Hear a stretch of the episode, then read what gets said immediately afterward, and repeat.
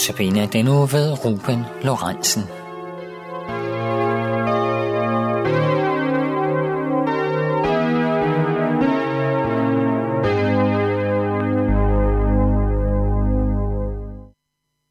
I dag skal vi øh, høre om Jesus som Guds søn. Det er den tredje af seks andagter om treenigheden.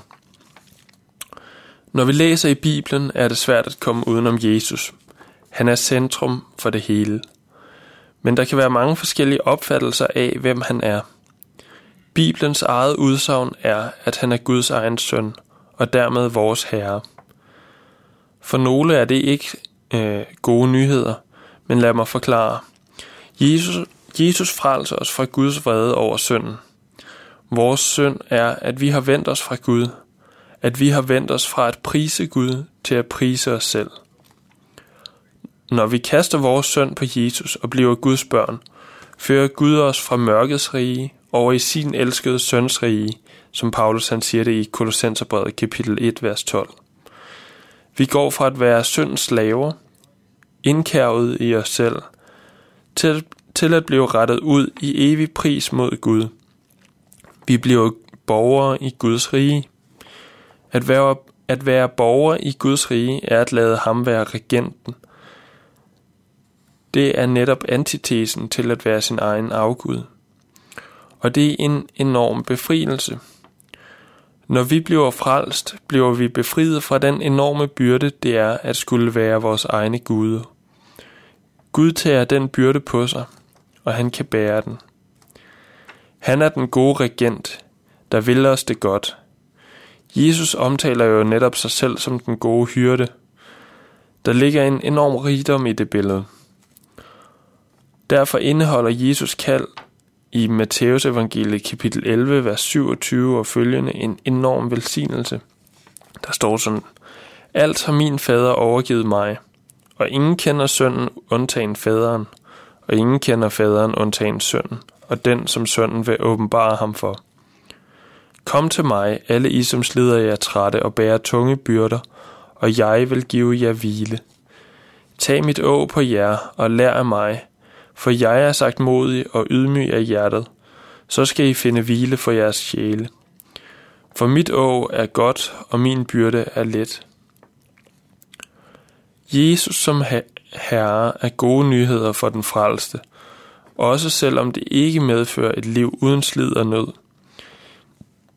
Det er gode nyheder, fordi vi bliver forenet med Gud. Vores slid og slæb er nu ikke længere en udsættelse af døden, sådan som forbandelsen lyder efter syndefaldet. Nu bliver Jesus vores bror og medvandringsmand igennem livet, og han vil virke velsignelse selv igennem vores liv. Når vi hører gode nyheder, bliver vi kaldet til at give et respons. Når vi hører, at folk skal være forældre, ønsker vi dem til lykke. Når vi hører, at folk skal giftes, ønsker vi dem til lykke.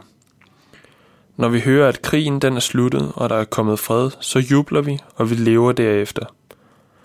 Når vi hører, at evangeliet om Jesu liv, død og opstandelse, så må, det, må og skal det fremkalde en respons. Jesus han kalder os til at tage imod sin udstrakte hånd. Jesus han kalder os til at tro ham. Han kalder os til at hvile i vidsheden om, at han har gjort det, vi ikke kunne gøre. Vores tro er derfor for så vidt intet andet end en tilkendegivelse af, at Jesu gerning er det afgørende.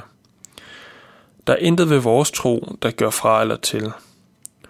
Når jeg er ude at flyve, er størrelsen af min tillid til piloten ikke afgørende for hans evner til at få mig ned til den jord, jeg hører til på.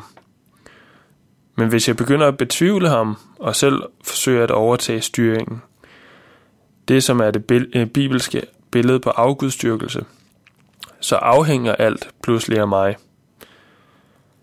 At tro er altså at overlade handlingen til ham, der kan. Samtidig er der i troen en anerkendelse af, en accept af, hvad Jesus siger og påstår.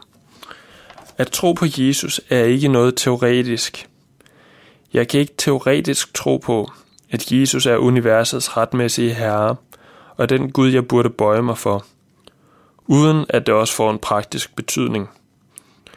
Vi kalder den betydning omvendelse, fordi vi i troen kaldes til at vende om fra vores ugudelige liv og vende om til den Gud, der vil os det godt, og som er al ære og pris værd. Det er en omvendelse, der kræver, at vi har fået liv og viljekraft til at vende os fra den forbandede døde liv, vi i synd levede. Derfor kræver omvendelsen også en genfødsel. Omvendelsen er altså en respons på, at vi har fået liv af Jesus. Det er en respons på frelsen, og ikke noget, der kan komme før, eller noget, der skal være grundlag for frelsen. De næste par dage, der skal vi høre om, hvordan Helligånden kommer til os i genfødslen og velsigner os til at kunne vende os mod den evige fader.